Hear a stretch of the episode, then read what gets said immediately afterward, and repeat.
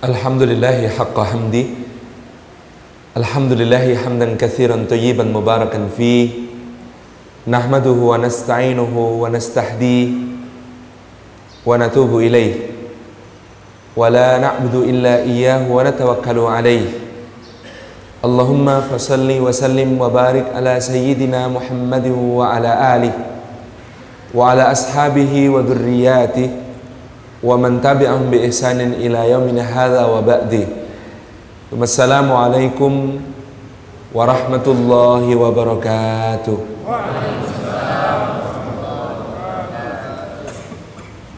Puji syukur kepada Allah Subhanahu wa taala atas limpahan karunia-Nya. Pada subuh yang indah ini Allah himpun kita di dalam lapis-lapis keberkahan. Berkah di dalam tempatnya karena ini adalah rumah Allah Mudah-mudahan setiap langkah yang kita tempuh menuju ke tempat ini tiap tapaknya menggugurkan dosa-dosa kita. Meninggikan derajat kita di sisi Allah Subhanahu wa taala dan menjadi pemudah jalan kita semua menuju ke surga. Berkah di dalam aktivitasnya karena hadirin sekalian mungkin banyak yang sudah hadir sejak sepertiga malam terakhir ketika Allah turun ke langit dunia dan berfirman manakah hambaku yang meminta ampun akan aku ampuni Manakah yang memohon rahmatku akan aku rahmati? Manakah yang meminta karuniaku akan aku beri? Dan kita mendapatkan kemuliaan dengan dua rakaat sunnah fajar. Yang dengan itu ia senilai dengan atau lebih baik bahkan daripada dunia seisinya.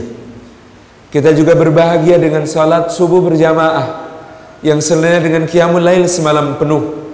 Yang inna Qur'an al-fajri kana masyhuda yang ia disaksikan secara khusus oleh para malaikat yang kelak. Allah Subhanahu wa taala menjadikan para malaikat itu sebagai saksi atas kita bahwa kita adalah orang-orang terpilih. Ahli subuh adalah manusia VVIP dan kita bergembira dengan waktu yang didoakan oleh Nabi sallallahu alaihi wasallam. Allahumma barik li ummati fi bukuriha. Ya Allah berkahilah bagi umatku di waktu pagi mereka. Dan kita berharap menadah berkah di dalam majelis di dalam duduk kita semua. Semoga termasuk taman di antara taman-taman syurga. Tempat Allah mencurah-curahkan rahmatnya menaungkan sayap-sayap malaikatnya menurunkan sakinah ke dalam hati kita dan menyebut-nyebut nama kita semua dengan bangga pada makhluk-makhluk mulia yang ada di sisinya. Hadirin rahimakumullah dan mitra muslim di mana pun berada perang Ahzab adalah salah satu momen penting dalam sejarah Islam yang sangat dahsyat. Menurut catatan para muarrikh dia terjadi pada tahun kelima Hijriyah tepatnya pada bulan Syawal di mana ketika itu orang-orang Yahudi Bani Nadir yang sangat dendam kepada Nabi sallallahu alaihi wasallam karena mereka telah diusir dari Madinah atas pengkhianatan mereka berulang kali kepada Nabi Shallallahu Alaihi Wasallam dan para sahabat maka mereka mendatangi orang-orang Quraisy di Makkah dipimpin oleh Huyai bin Akhtab dan beberapa tokoh yang lain kemudian mengatakan kepada orang-orang yang ada di Makkah sesungguhnya agama kalian yakni agama kemusyrikan menyembah berhala jauh lebih baik daripada agamanya Muhammad sallallahu alaihi wasallam. Karena agama kalian yang menyembah berhala menjadikan kedamaian di seluruh Arab. Tetapi agamanya Muhammad sallallahu alaihi wasallam telah menyebabkan peperangan dan permusuhan. Ini yang dikatakan oleh para pemuka Yahudi Bani Nadir. Seakan-akan agama kebenaran yang dibawa oleh Nabi sallallahu alaihi wasallam ini mereka provokasikan sebagai penyebab semua kekacauan yang terjadi di jazirah Arab termasuk bagaimana mereka telah terusir dari kampung mereka di Bani Nadir di Madinah. Orang-orang kafir Quraisy kemudian bertanya kepada para Yahudi Bani Nadir jadi bagaimanakah kiranya kami harus bersikap kepada Muhammad sallallahu alaihi wasallam dan para pengikutnya? Maka orang-orang Yahudi Bani Nadir mengatakan kami siap menggalang kekuatan untuk kalian persekutuan-persekutuan yang terbuka maupun rahasia untuk mendukung kalian semua menghancurkan Muhammad sallallahu alaihi wasallam dan para pengikutnya. Maka orang-orang Yahudi Bani Nadir ini menghubungi orang-orang Sakif, menghubungi orang-orang Hawazin, menghubungi orang-orang Gotafan, menghubungi orang-orang Khuza'ah, menghubungi orang-orang Qudha'ah, menghubungi orang-orang Yahudi Bani Quraidah dan seluruh unsur yang bisa mereka kerahkan untuk kemudian bersekutu dalam menghancurkan Nabi sallallahu alaihi wasallam dan para sahabatnya di Madinah. Maka berhimpunlah kekuatan dengan pucuk pimpinannya adalah Abu Sufyan bin Harb yang Abu Sufyan ini memimpin Makkah sejak Abu Jahal tewas terbunuh di perang Badar. Maka Abu Sufyan memimpin satu koalisi besar bergerak menuju ke Madinah. Kekuatan mereka diperkirakan ada 10 ribu orang. Jumlah 10 ribu orang ini kalau dibandingkan dengan penduduk Madinah masih jauh lebih banyak meskipun penduduk Madinah digabungkan antara laki-laki, perempuan, dewasa, anak-anak, orang tua jompo dan orang-orang sakit. Digabungkan semua tidak ada 10 ribu orang. Jumlahnya tidak berimbang. 10 ribu pasukan. Dan dikatakan pada saat itu belum pernah jazirah Arab menyaksikan ada pasukan berjumlah 10 ribu orang. Maka berita itu didengar oleh Nabi Sallallahu Alaihi wa alihi Wasallam di Madinah. Kemudian beliau bersidang bermusyawarah dengan para sahabat radhiyallahu anhum ajmain tentang langkah apa yang seharusnya diambil. Sebagian sahabat kemudian berkata kepada Nabi sallallahu alaihi wasallam, "Ya Rasulullah, kita song-song mereka di Badar sebagaimana dulu kita pernah menyongsong mereka. Sebagian sahabat meragukan usul itu. Bagaimana mungkin kita akan menyongsong dengan perang terbuka 10 ribu pasukan bersenjata lengkap Sementara kekuatan kita sangat kecil Ini suatu perkara yang sangat berat Lalu apa usul yang lain? Usul yang lain adalah bertahan di Madinah Kalau kita bertahan di Madinah Kita bisa melaksanakan satu siasat perang kota Mereka bisa kita jebak di lorong-lorong Madinah mereka bisa kita serang dengan sembunyi-sembunyi. Kita lebih mengenal medan Madinah daripada mereka. Jadi kita masih punya peluang menang. Sebagian sahabat mengatakan tetapi itu berisiko sangat tinggi. Yaitu bahwasanya kita mempertaruhkan Madinah. Kalau mereka kalah, mereka tidak kehilangan apa pun. Tetapi kalau kita sampai kalah, maka kita kehilangan segala-galanya. Itu resiko dari perang kota. Seorang sahabat lalu mengusulkan, "Ya Rasulullah, bagaimana kalau kita bentengi kota Madinah ini? Kita bangun benteng mengelilingi kota Madinah ini untuk menjadi pertahanan bagi kita." Sahabat yang lain mengatakan, "Bagaimana mungkin kita akan membangun benteng? Waktunya seberapa? Yang tersisa seberapa?" Lalu Sayyidina Salman Al-Farisi radhiyallahu anhu berdiri. "Ya Rasulullah, izinkan saya bicara." Silakan wahai Salman, kata Nabi sallallahu alaihi wasallam. Kemudian Salman mengatakan, kami dulu di Persia apabila diserang pasukan musuh sementara pertahanan kami rapuh maka kami menggali parit sebagai pertahanan bagi kami. Bukan membangun benteng tetapi menggali parit. Ya Rasulullah perhatikanlah. Sesungguhnya bagian selatan timur dan barat dari kota Madinah ini sudah cukup terlindung oleh perbukitan dan kebun-kebun kurma milik orang Yahudi Kenapa kok kebun-kebun kurma milik orang Yahudi bisa menjadi garis pertahanan yang kokoh? Karena kebun-kebun kurma milik orang Yahudi pagarnya tinggi-tinggi. Saking pelitnya mereka. Sehingga karena banyak kebun kurma di wilayah barat dan timur kota Madinah, maka itu bisa menjadi garis pertahanan karena akan susah pasukan Quraisy yang berjumlah besar untuk merangsek menyerang Madinah dari kebun-kebun kurma yang berpagar tinggi dan banyak itu. Juga berlapis-lapis pagarnya. Itu yang ada di kebun-kebun kurma orang Yahudi. Kata Salman, bagian yang terbuka dari kota Madinah ini adalah bagian utara. Bagian utara ini sangat rentan menjadi pusat konsolidasi serangan musuh yang paling besar. Maka aku usulkan ya Rasulullah, galilah khandak ini bahasa Persia untuk parit adalah khandak. Bahasa Arab lebih tepat disebut ukhdud atau akhadid seperti dalam suratil buruj. Khandak ini adalah kosakata Persia. Khandak ini parit ini bisa kita bangun di sebelah utara kota Madinah. Berapa lebarnya? Lebar parit ini adalah selebar kuda kalau meloncat kecemplung maka diperkirakan lebarnya adalah sekitar 5 meter berapa dalamnya sedalam kuda yang kecemplung tidak bisa naik? Maka dalamnya kira-kira adalah 3 meter. Jadi khandak ini lebar 5 meter dalam 3 meter. Dan kemudian Rasulullah sallallahu alaihi wasallam segera menerima surun uh, usul Salman Al Farisi ini dan kemudian segeralah dilaksanakan penggalian tersebut.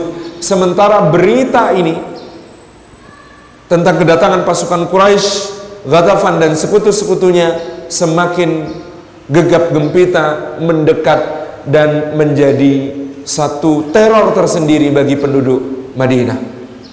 Ketika mereka mulai menggali parit, maka mereka memikirkan khawatir bahwa pengepungan yang akan dilakukan oleh pasukan Quraisy dan sekutunya ini akan berlangsung dalam jangka waktu lama.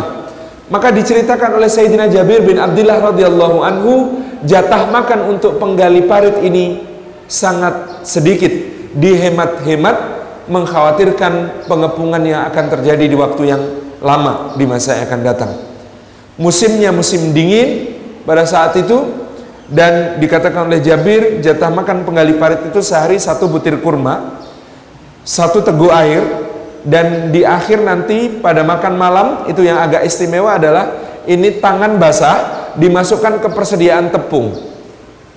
Tepung yang nempel di tangan yang basah itulah jatah makan satu orang. Cara makannya bukan dengan diadoni menjadi roti tetapi ada yang keliling membagi-bagikan tetesan minyak panas kemudian tepung yang nempel di tangan ini dikempel-kempel pakai minyak panas ini supaya bisa di, dimakan. Inilah yang kemudian dikatakan oleh Jabir bin Abdullah itu sama sekali tidak mengenyangkan bahkan kadang-kadang membuat tenggorokan sakit. Inilah jatah makan dengan prihatin yang sangat yang kemudian mereka bekerja menggali parit dengan penuh semangat. Nabi Shallallahu Alaihi Wasallam bersama para sahabat ini kemudian untuk menguatkan hati mereka bersenandung mereka bersyair mereka bernasyid. Para sahabat mengatakan lauqad lauqatna wan nabiyyu ya'mal kalau kita duduk-duduk sementara Nabi SAW itu bekerja lakana mina min amalil mudallal ini akan menjadi satu amal yang membuat kita tersesat jalan. Jadi ini satu kaidah, oh Nabi saja bekerja kok kita duduk-duduk santai, maka dia akan menjadi sumber kesesatan bagi kita. Maka Nabi Shallallahu Alaihi Wasallam kemudian juga bersyair, Ya Allah, jika bukan karena Engkau, maka kami tidak akan salat, kami tidak akan berpuasa, dan kami tidak akan bersyahadat.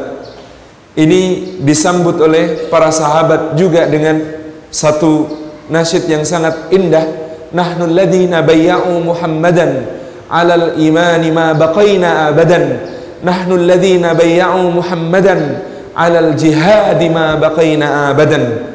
Kamilah orang-orang yang telah berbaiat kepada Muhammad Rasulullah sallallahu alaihi wasallam untuk berada di atas iman selama kami masih hayat di kandung badan dan kami adalah orang-orang yang berbaiat kepada Muhammad sallallahu alaihi wasallam untuk berjihad selama hayat masih dikandung badan. Ini semangat mereka di dalam menggali parit ini sedemikian besar. Maka Nabi sallallahu alaihi wasallam bekerja bersama para sahabat ikut menggunakan beliung untuk memecah batu-batu, menggali tanah, mengangkutinya dengan keranjang-keranjang untuk menjadi kubu-kubu yang menguatkan kota Madinah antar rumah-rumah dan gang sempit ditutup dengan berbagai hal yang ada pasir yang dimasukkan ke dalam karung atau bahkan sampah-sampah dan berbagai macam kayu dan batu supaya lorong-lorong kota Madinah ini tertutup dari celah untuk menyerang pasukan Quraisy. Kemudian juga angkutan tanah-tanah ini dipakai untuk meninggikan berbagai titik di kota Madinah yang rendah sehingga kemudian kota Madinah menjadi satu pertahanan yang kokoh. Ketika kemudian sedang menggali parit ini, maka ada seorang sahabat radhiyallahu anhu yang menemukan batu yang sangat keras. Berulang kali coba untuk dihancurkan dengan beliung, tetap gagal. Coba ada orang yang mau mengangkatnya beberapa orang, mereka tidak berhasil. berat dan keras batu ini sehingga akhirnya mereka mengadu kepada Nabi sallallahu alaihi wa alihi wasallam. Ya Rasulullah, ini batunya keras sekali. Ini batunya tidak bisa kita pindahkan. Maka Nabi SAW mendatanginya dan kemudian beliau SAW mengangkat beliungnya. Pada saat Nabi SAW mengangkat beliung inilah, maka pakaian beliau tersingkap dan tampaklah perut beliau. Di perut beliau yang kemudian diikat dengan sabuk, terdapat ganjal dua buah batu yang kemudian dilihat oleh para sahabat dengan rasa sangat malu karena mereka rata-rata juga mengganjal batu ke perutnya tetapi hanya satu. Sementara Nabi Wasallam sampai mengganjalkan dua buah batu ke perut beliau Wasallam yang menunjukkan rasa lapar pada diri beliau Wasallam adalah rasa lapar yang sangat berat melebihi yang dirasakan oleh para sahabat Terenyuh para sahabat melihat itu tapi Rasulullah SAW mengangkat beliungnya. Dan kemudian beliau menghantamkannya ke arah batu tersebut sambil bertakbir Allahu Akbar. Dan kemudian batu itu merekah memercikkan api yang tinggi. Dan kemudian Rasulullah SAW bersabda aku diberi kunci-kunci negeri Syam. Dari tempatku berdiri ini aku bisa melihat istana-istana merahnya dan umatku akan sampai ke sana Kemudian beliau angkat lagi, beliau hantamkan lagi ke batu itu sampai batu itu merekah lebih besar dan nyaris pecah.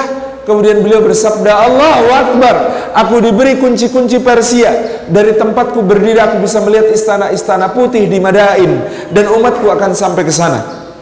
Kemudian beliau angkat beliau untuk yang ketiga kali, beliau hantamkan ke arah batu itu dan batu itu pecah berantakan dengan percik api yang tinggi. Beliau bersabda Allahu Akbar Aku diberi kunci-kunci negeri Yaman Dari tempatku berdiri Aku bisa melihat gerbang-gerbang kota San'a Inilah semangat yang ditularkan oleh Nabi Sallallahu Alaihi Wasallam kepada para sahabat yang pada saat itu merasakan teror pasukan Ahzab ini.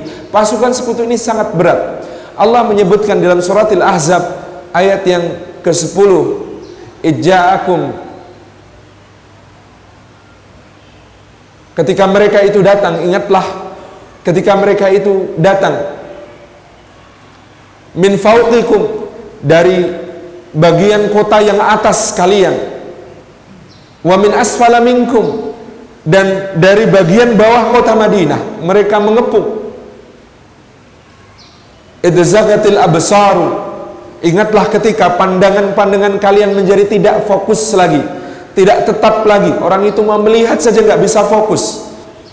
Karena saking besarnya teror yang merasakan di dalam hati mereka.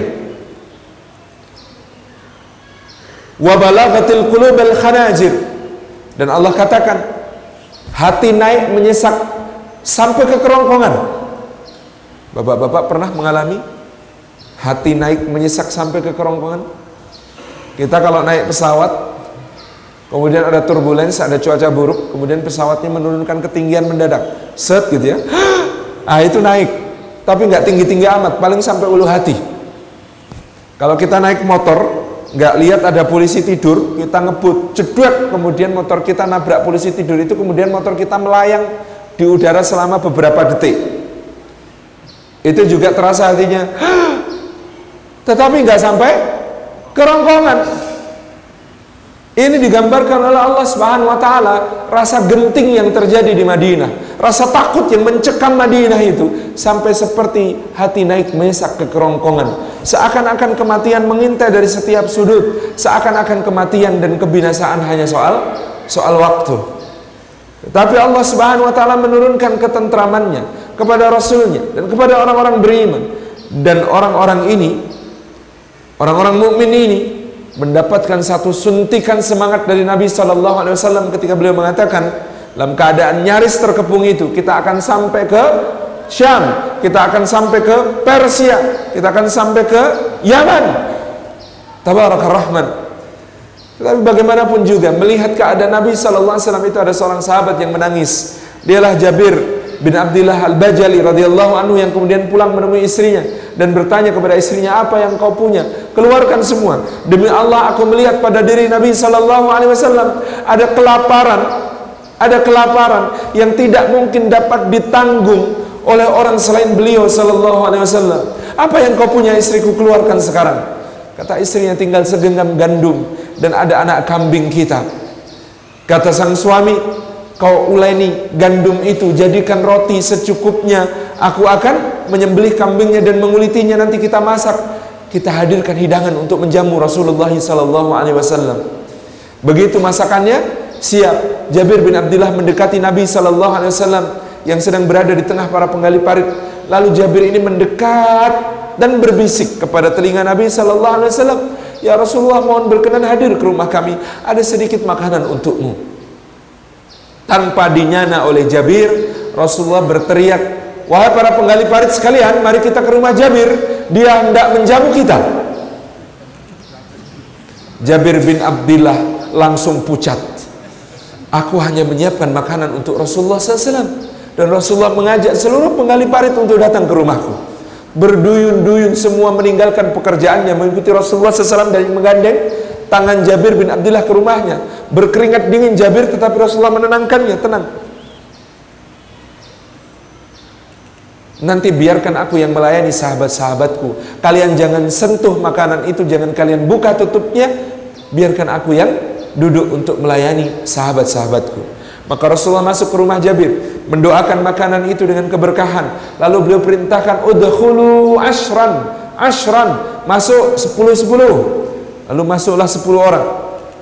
Rasulullah ambilkan rotinya, ambilkan daging dan kuah di letakkan di atasnya, diberikan satu persatu pada sepuluh orang ini. Rasulullah mengatakan lagi, "Udkhulu ashran." Masuk sepuluh lagi. Sepuluh orang kemudian dilayani lagi oleh Nabi sallallahu alaihi wasallam. Begitu seterusnya 10 orang masuk di lain Nabi SAW 10 orang masuk di lain Nabi SAW Sampai semua makan Dan semua kenyang Jabir bin Abdullah ditanya Ada berapa orang penggali khandak pada saat itu? Kalau dijumlahkan semuanya Hampir 3000 orang.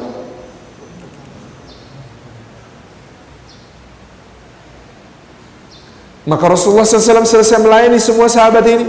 Beliau ambil untuk Jabir dan istrinya.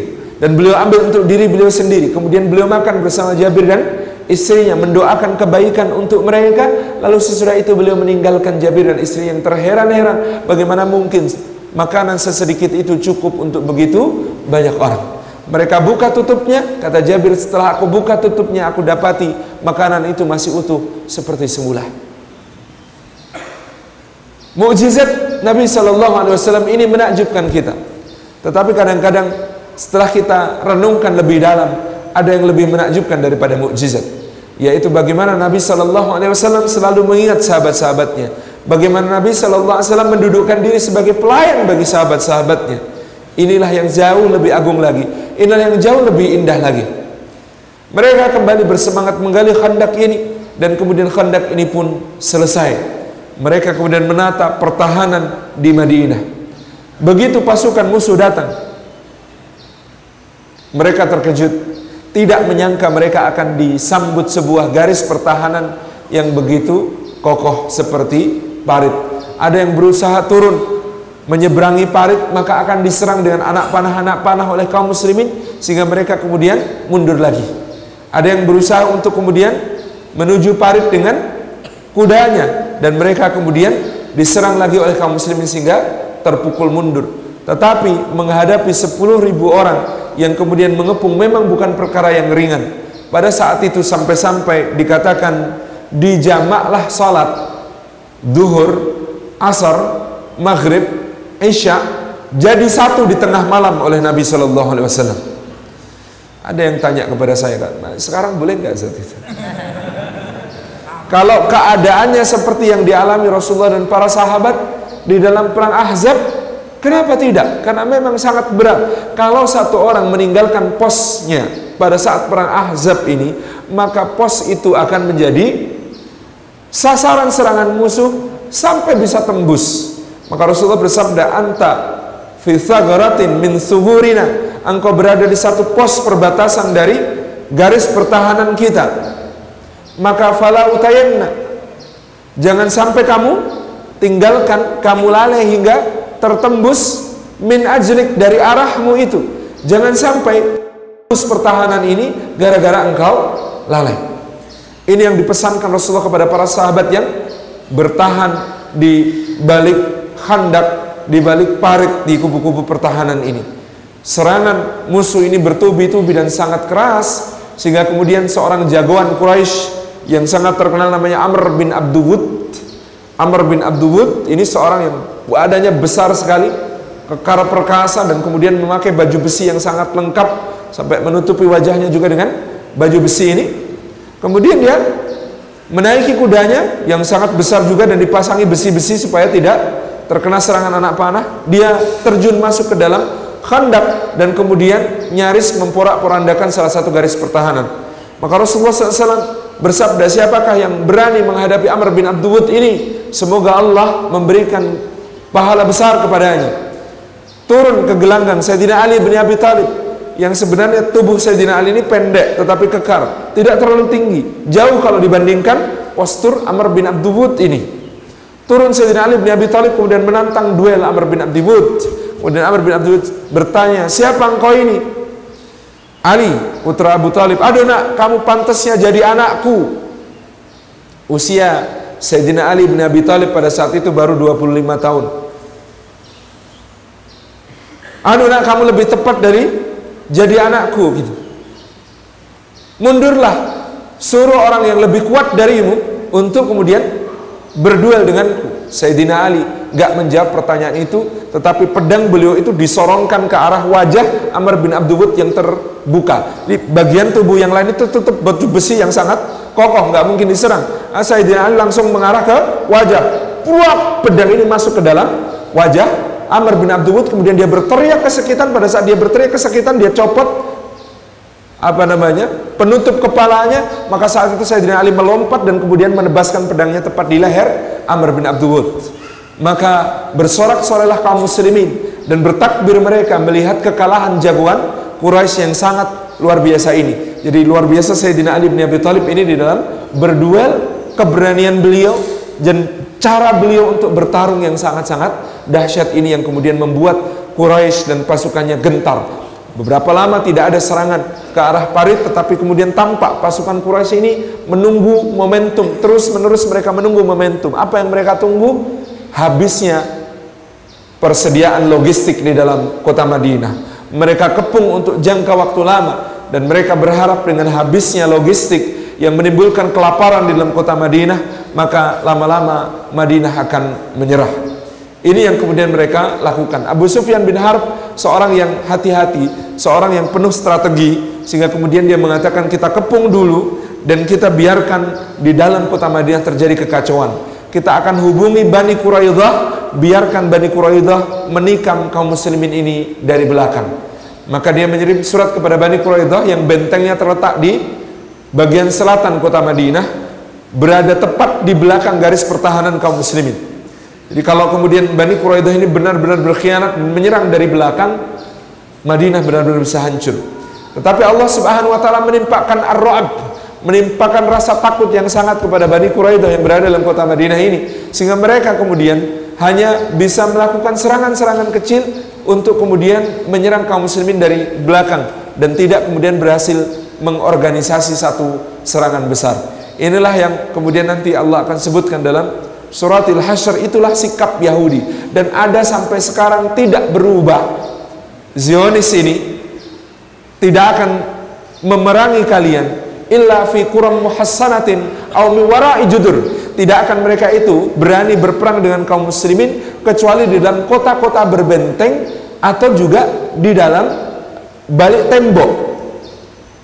Sejak dahulu Allah Subhanahu wa taala menimpakan sifat pengecut itu kepada orang-orang Yahudi termasuk Bani Quraidah ini sehingga mereka nggak berani menyerang langsung mereka hanya menyerang dari balik benteng dan dari kota-kota yang bertembok Bapak Ibu yang dirahmati Allah mitra muslim di mana pun anda berada pasukan Ahzab ini terus menerus mengepung dan kemudian berharap-harap supaya logistik di dalam kota Madinah semakin menipis Sementara Rasulullah sallallahu alaihi wasallam dan para sahabat terus bertahan.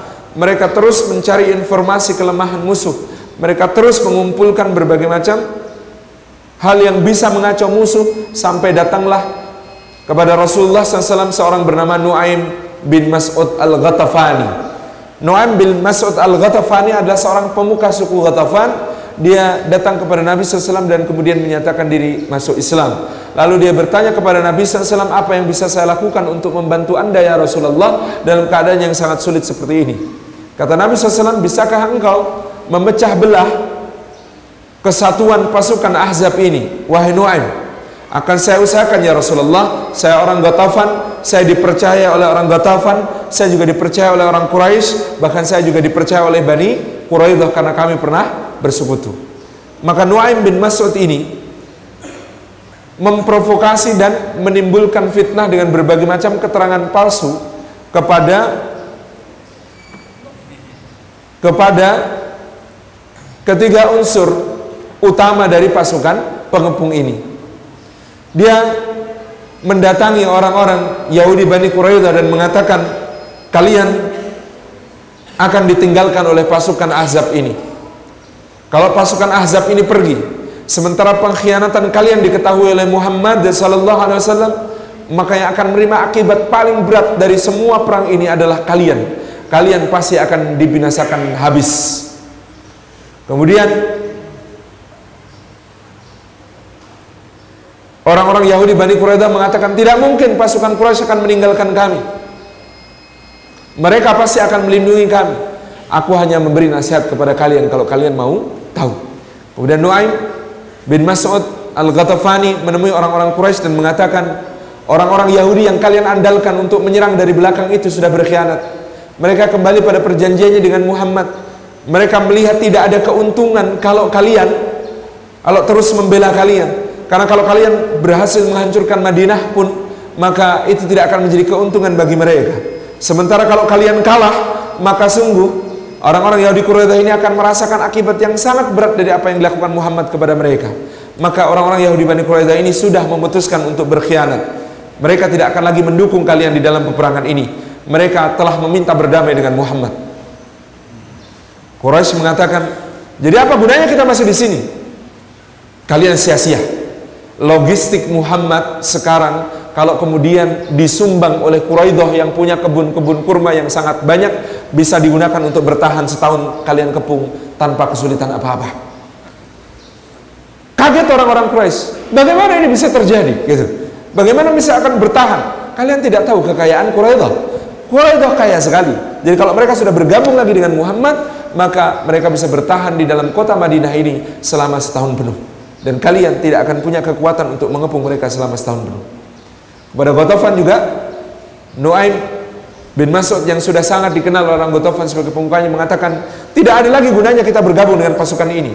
Antara Quraisy dengan suku Quraidah yang ada di dalam mereka sudah saling lepas tangan. Jadi apa gunanya kita bergabung dengan pasukan ini? Hanya akan merugikan kita di masa yang akan datang. Aku sudah melihat kekuatan Muhammad ini di masa yang akan datang akan semakin besar, semakin besar. Kalau kita tetap bertahan belain Quraisy seperti ini, di masa yang akan datang kita akan mengalami masalah dengan Muhammad sallallahu alaihi wasallam. Ini yang dikatakan oleh Nu'aim bin Mas'ud. Bubarlah koalisi itu. Renggang di antara mereka. Satu sama lain saling curiga.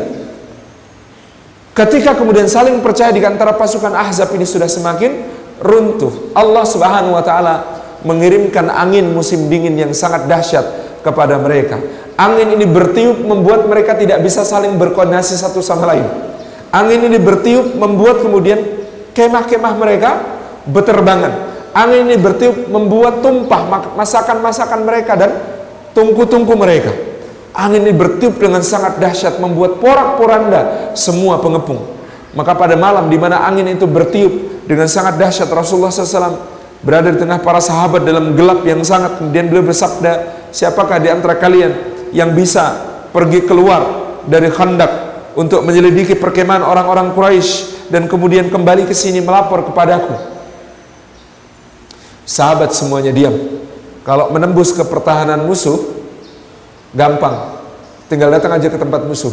Tapi Rasulullah minta datang ke tempat musuh, dengarkan rencana mereka, pulang kembalilah dengan selamat. Itu yang susah.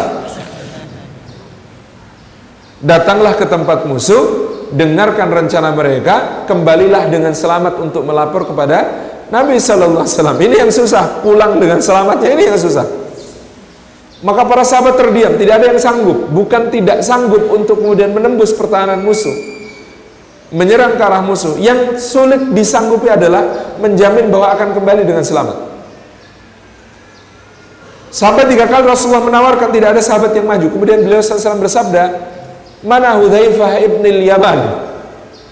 Kata Hudhaifah celaka, aku yang kena tugas. Maka Hudhaifah mengatakan, Sami'na wa ta'na ya Rasulullah. Berangkatlah wahai Hudhaifah, selidiki keadaan mereka dan kembalilah segera ke sini. Kata Hudhaifah, bagaimana jika aku tidak kembali ya Rasulullah? Tidak, demi Allah kau harus kembali. Kemudian Hudhaifah ibn Yaman merangkak menuju ke arah parit, kemudian turun menuruni parit menuju ke perkemahan musuh. Dia bergerak menuju ke arah perkemahan Abu Sufyan bin Harb, pemimpin sekutu ini. Begitu sampai di sana ternyata Abu Sufyan bin Harb sedang berusaha mengumpulkan para komandan di bawahnya untuk berkoordinasi tentang apa yang terjadi. Pada saat itu kata Hudzaifah ibn Yaman, jarak antara aku dengan Abu Sufyan cuma satu tombak. Seandainya aku mau dengan panahku langsung kubidikkan tepat ke jantungnya, Abu Sufyan akan mati di tempat. Tetapi aku ingat pesan Rasulullah sallallahu alaihi wasallam, jangan kembali, jangan jangan kemudian membahayakan dirimu dan kembalilah dengan selamat. Jadi kalau saja kemudian Hudzaifah ibn Yaman tergoda untuk menjadi menjadi striker padahal dia adalah spion maka dia bisa membunuh Abu Sufyan saat itu itu akan dinilai sebagai jasa besar. Kadang-kadang prajurit ada godaan untuk bertindak lebih daripada perintah. Perintahnya adalah dengerin nggak usah bunuh siapa-siapa. Dengerin rencana pulang laporkan. Tapi kan kadang-kadang kita sebagai prajurit merasa kurang seru. Masa pulang nggak bawa apa-apa gitu ya? Kalau bawa kepala Abu Sufyan kan lumayan gitu. Pasti berjasa besar itu. Dan Hudzaifah bin Yaman ketika itu mengatakan, aku berada dalam posisi sangat mungkin untuk membunuh Abu Sufyan. Mudah sekali pada saat itu. Seandainya aku tidak ingat apa-apa yang disampaikan oleh Nabi Shallallahu Alaihi Wasallam, kulakukan saat itu. Tetapi kata Hudzaifah, aku ingat pesan Nabi SAW. Tugasku bukan membunuh orang, tugasku hanya untuk mengambil informasi. Maka Abu Sufyan kita itu berkata, semua sudah kumpul? Sudah, semua menjawab sudah. Coba masing-masing orang perhatikan siapa yang ada di sampingnya. Dengar itu, Hudzaifah deg-degan, waduh. Maka dia kemudian langsung tanya kepada sampingnya, "Kamu siapa?" "Kamu siapa?" gitu ya. Sebelum didahului tanya, tanya duluan gitu. "Kamu siapa?" "Aku Fulan bin Fulan." "Oh, pantas." "Kamu siapa?" Fulan. "Oh, ya ya." Aman berarti kita teman ya gitu. Kemudian dia dengarkan Abu Sufyan berpidato. Sungguh pengepungan ini sudah sia-sia. Kita tidak akan berhasil mengalahkan Muhammad. Angin ribut sudah melanda kita. Kehancuran di kemah-kemah kita. Logistik kita juga rusak. Hewan-hewan tunggangan kita sakit. Tidak, ini tidak akan kita teruskan. Aku akan pulang. Kalian terserah. Siapa yang mau pulang, silahkan pulang. Ini yang dikatakan oleh Abu Sufyan. Kemudian dia langsung naik ke untanya dan pulang ke Mekah. Hudayfi ibn Yaman kemudian bergerak perlahan-lahan lagi keluar dari perkemahan musuh merobos lewat kondak lagi turun gitu ya. Kemudian naik lagi dan menghadap Nabi Shallallahu Alaihi Wasallam melaporkan ke semuanya. Rasulullah SAW bertakbir kemudian beliau bersujud syukur. Maka kaum muslimin ketika itu kemudian berdoa kepada Allah ya mungzilal kitab wa mujriyas sahab wa hazimal ahzab. Ya Rab ihzihim ya Allah hancurkan mereka ya Allah. Wahai yang menurunkan kitab, wahai yang mengisarkan angin, wahai yang telah menghancurkan ahzab ini, ya Allah, hancurkan mereka. Maka Nabi SAW ketika itu bersabda, mulai hari ini, mereka tidak akan pernah menyerang kita, kita yang akan menyerang mereka. Dikata Nabi SAW, mulai hari ini, di akhir perang ahzab ini, mereka tidak akan pernah bisa menyerang kita lagi, dan kitalah yang akan menyerang mereka. Ini yang disabdakan oleh Nabi Sallallahu Alaihi wasallam. Selesai perang Ahzab, kemudian Rasulullah SAW sudah mengetahui pengkhianatan Bani Quraidah. Pengkhianatan Bani Quraidah ini harus ditindak, maka Nabi SAW mengirim satu pasukan ke Bani Quraidah untuk melakukan pengepungan awal agar mereka tidak melarikan diri. Pergi ke Bani Quraidah, kata Nabi SAW, dan jangan sekali-kali kalian sholat asar kecuali di Bani Quraidah. Berangkat. Maka mereka pun berangkat ke Bani Quraidah. Nah ini akan menjadi satu studi kasus tentang fikih yang sangat menarik. Ketika Rasulullah bersabda, jangan sekali-kali sholat asar di Bani Quraidah, maka mereka bergerak menuju Bani Quraidah, benteng Bani Quraidah. Ternyata baru sampai tengah perjalanan, belum sampai ke benteng Bani Quraidah, matahari sudah mau terbenam. Maka para sahabat ini terpecah menjadi dua kelompok. Yang separuh mengatakan, ayo sholat dulu bro, waktunya sudah mau habis ya. Gitu. Yang separuh mengatakan tadi Rasulullah bilang jangan sholat asar kecuali di Bani Quraidah. Kita akan sholat asar di Bani Quraidah. Kata sahabat-sahabat yang mau berhenti ini, lah tadi itu Rasulullah mungkin maksudnya ya kita suruh cepet-cepet. Tapi kalau nggak dapat ya sholat itu sesuai waktunya toh. Mau kata Quran inna salata kanat alal mu'minina kitaban mauquta. Sesungguhnya salat itu bagi orang mukmin kewajiban yang ada batas waktunya. Ini sudah mau habis, Bro. Salat dulu, Bro. Kata sebagian enggak. Nabi itu bersabda kita suruh sholatnya di Bani Quraidah. Kami akan sholat di Bani Quraidah. Separuh sholat di jalan, separuh menuju ke Bani Quraidah langsung. Lalu mereka sholat asar di Bani Quraidah. Kapan yang sholat asar di Bani Quraidah itu mereka sholat asarnya sudah lepas waktu isya. Maka ketika kemudian Rasulullah datang, mereka saling melaporkan, ya Rasulullah ini tidak taat sama engkau ya Rasulullah. Suruh sholat di Bani Quraidah, sholat di jalan. Yang ini juga lapor. Masa daripada itu ya Rasulullah, sholat asar kok ba'da isya, cara mana itu? Mana yang disalahkan Nabi SAW? Lah harus, nggak apa-apa, nggak masalah. Tidak ada yang disalahkan Nabi SAW. Inilah kata Al-Alamah Abdul uh, Syekh Wahbah Az-Zuhaili rahimahullah taala yang disebut sebagai fikih. Fikih itu memahami teks syariat. Teks syariatnya kata-kata Rasulullah, jangan sekali-kali sholat asar kecuali di Bani Quraidah. Yang satu memahami cepat-cepatlah, tapi kalau tidak sampai, ya sholat itu tepat waktunya. Yang separuh memahami letter luck, sholatnya nanti di Bani Quraidah. Siapa yang salah? Nggak ada. Jadi kalau fikih, enteng-entengan mawon. Kalau fikih, jangan-jangan kita ini bekat dengan di dunia. Yang benar tuh saya. Enggak, yang benar tuh gini, gitu. Jangan-jangan kita ini nyalah-nyalahin di dunia kepada teman-teman kita. Kelak di akhirat kita lapor sama Allah dan Rasulnya, kata Allah dan Rasulnya, maharaj, nggak apa-apa kok. Gitu. Kan rugi di dunia, gitu ya, sampai bekenangan begitu, gitu ya. Lutut dulu apa tangan dulu turun sujudnya? Ayo. Pokoknya jangan sampai kepala duluan itu. Subhanallah. Ini enteng soal fikih ini. Bapak Ibu dirahmati Allah, kemudian Bani Quraidah ini akan diadili. Ada seorang sahabat namanya Sa'ad bin Mu'ad radhiyallahu anhu, kepala suku Aus. Dalam perang Ahzab ini, dalam perang Khandak ini, Sa'ad bin Mu'ad terluka parah. Di mana luka beliau? Di bagian lengan ini kena panah, tapi pas pembuluh nadi, sehingga kemudian ketika panahnya dicabut, darahnya itu memancar sehingga harus diperban berulang-ulang tapi tetap darah ini merembes terus keluar ketika beliau dirawat di dalam Masjid Nabawi sampai harus digalikan selokan kecil untuk mengalirkan darahnya keluar. Saking dahsyatnya luka beliau, tetapi beliau sangat, sudah sangat pucat itu keadaannya, beliau berdoa kepada Allah, "Ya Allah, jangan matikan aku sebelum selesai urusanku dengan Bani Quraidah, ya Allah. Sebelum aku selesai urusanku dengan Bani Quraidah." Karena Bani Quraidah itu dulu sekutunya Sa'ad bin Mu'ad maka saat bin Mu'ad ini malu sekali mendengar Bani Quraidah berkhianat. Sekutu saya mengkhianati Rasulullah sallallahu alaihi wasallam sangat memalukan. Maka ketika Rasulullah bertindak kepada Bani Quraidah, beliau bertanya kepada Bani Quraidah, "Bagaimana di antara kita ini wahai Bani Quraidah?" Wahai Muhammad, engkau memang pemimpin Madinah ini, tapi kalau aku dan engkau berselisih, terus engkau yang jadi hakim, itu namanya tidak adil karena engkau ketika berselisih denganku kok kamu yang jadi hakim, engkau akan menghakimi kami melebihi yang seharusnya. Kami tidak mau hakimnya engkau. Nabi SAW tersenyum. Kalau begitu tunjuklah hakim sesuka kalian. Siapa yang kalian tunjuk?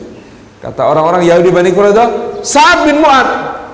Kenapa mereka milih Sa'ad bin Mu'ad? Dipikirnya karena Sa'ad bin Mu'ad ini adalah sekutu mereka di masa jahiliyah. Sa'ad bin Mu'ad masih akan meringankan hukuman untuk mereka. Maka kemudian Rasulullah SAW baik aku ridha Sa'ad bin Mu'ad menjadi hakim di antara kita. Kemudian dipanggillah Sa'ad bin Mu'ad untuk hadir ke Bani Quraidah. Apa yang dilakukan oleh Sa'ad bin Mu'ad radhiyallahu kemudian beliau ditandu. Ketika beliau ditandu, beliau datang Rasulullah SAW bersabda, "Akbilu sayyidakum, sambutlah oleh kalian sayyid kalian ini, tuan kalian ini." Ini penghormatan Rasulullah SAW sebagai seorang pemimpin kepada pemimpin lain yakni Sa'ad bin Mu'ad radhiyallahu anhu. Ketika Sa'ad bin Mu'ad datang, kemudian Sa'ad bin Mu'ad diminta untuk menghakimi kasus Bani Quraidah di luar dugaan Sa'ad bin Mu'ad menjatuhkan hukuman yang sangat keras. Kata Sa'ad bin Mu'ad, semua laki-laki Bani Quraidah ini harus dibunuh. Wanita-wanitanya dijadikan budak, demikian pula anak-anaknya dan seluruh harta milik mereka dirampas. Ini keputusan Sa'ad bin Mu'ad yang telah kalian tunjuk sebagai hakim. Kaget orang Quraidah. Ya mendingan tadi Muhammad. Muhammad pasti nggak akan sekejam ini hukumannya gitu. Tapi mereka sudah bersumpah untuk mentaati keputusan hakim yaitu Sa'ad bin Mu'ad. Maka kemudian mereka pun mengalami hukuman seperti apa yang diputuskan oleh Sa'ad bin Mu'ad. Sa'ad bin Mu'ad pulang dan dia mengadakan tangan ke langit ya Allah telah ku selesaikan urusanku dengan Bari Quraidah. Terserah kepada engkau kapan engkau cabut nyawaku. Tidak lama kemudian Sa'ad bin Mu'ad wafat di dalam Masjid Nabawi. Ketika dia terbaring di Masjid Nabawi Rasulullah SAW yang menungguinya bersabda Arsy Allah berguncang ketika rohnya saat bin Mu'ad diangkat ke langit. Saking besarnya keutamaan sahabat yang bernama Sa'ad bin Mu'ad radhiyallahu anhu ini, arsy Allah berguncang ketika rohnya Sa'ad bin Mu'ad diangkat ke langit.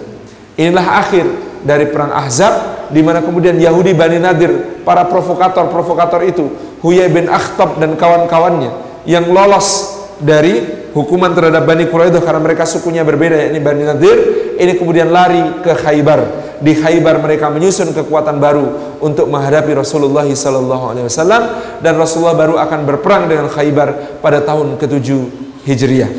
Ini riwayat singkat tentang perang Ahzab dan kemudian Allah Subhanahu wa taala menurunkan ayat yang sangat agung di surat Al-Ahzab ayat yang ke-33 laqad kana lakum maaf di ayat yang ke-21 Laqad kana lakum fi Rasulillahi uswatun hasanah liman kana yarjullaha wal yawmal akhir wa dzakarallaha katsira. Sungguh telah ada pada diri Rasulullah sallallahu alaihi wasallam itu suri tauladan yang baik bagi kalian, bagi orang yang berharap jumpa dengan Allah, berharap jumpa dengan hari akhir dan banyak-banyak dia menyebut-nyebut mengingat nama Allah Subhanahu wa taala. Kenapa ayat tentang uswatun hasanah ini turunnya saat perang Ahzab ini? Rasulullah SAW itu sebenarnya suri tauladan kapan pun di segala waktu beliau adalah suri tauladan yang baik. Tetapi Allah menurunkan ayat tentang jaminan suri tauladan pada diri Rasulullah pada saat perang Ahzab. Karena apa? Kata Imam Ahmad rahimahullah taala ar-rijalu sawaun hatta taqa'al mihnah. Yang namanya orang itu sama saja sebenarnya. Sampai tiba datangnya mihnah ujian berat yang paling dahsyat yang hunalika betuliyal mu'minuna wa zulzilu zilzalan syadida yang di situlah orang mukmin itu ditimpai balak bencana yang sangat keras dan diguncang dengan guncangan yang sangat dahsyat baru tampak di situ bedanya mana permata mana batu kali biasa. Kalau dalam masa damai tenang tentram seperti ini sama saja kita ini tidak ada bedanya antara orang hebat dengan orang yang setengah hebat dengan orang yang tidak hebat. Kenapa? Tentram, damai, aman, tidak ada masalah.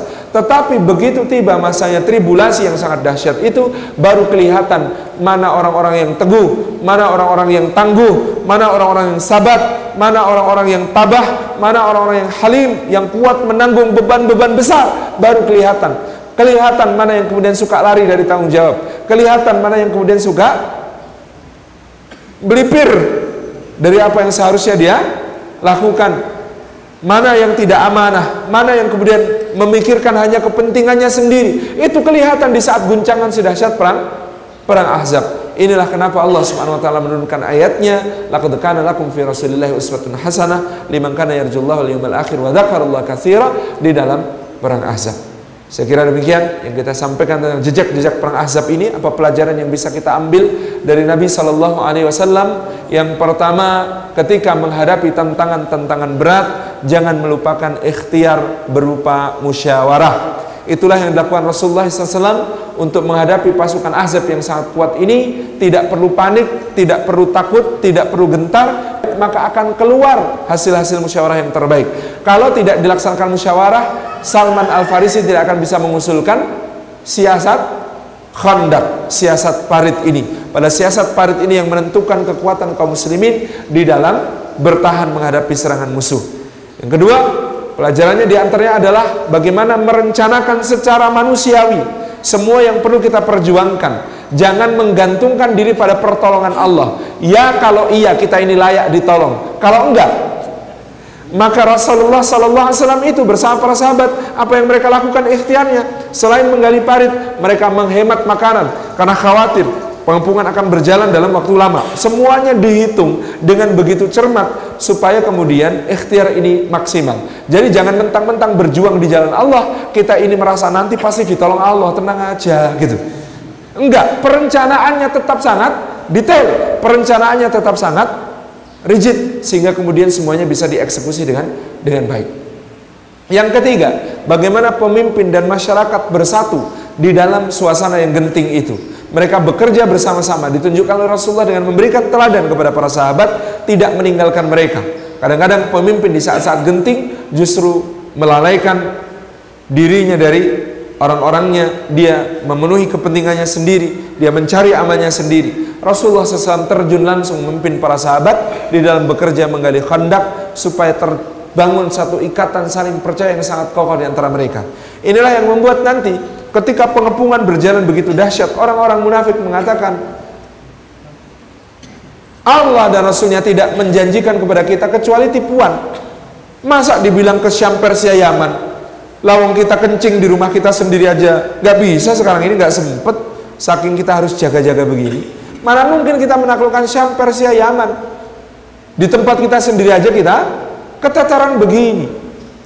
Sementara orang-orang beriman mengatakan hada ma wa'adanallahu wa rasuluhu wa sadaqallahu wa rasuluhu. Inilah pasukan azab yang sedahsyat ini inilah inilah yang dijanjikan Allah dan Rasulnya kepada kita.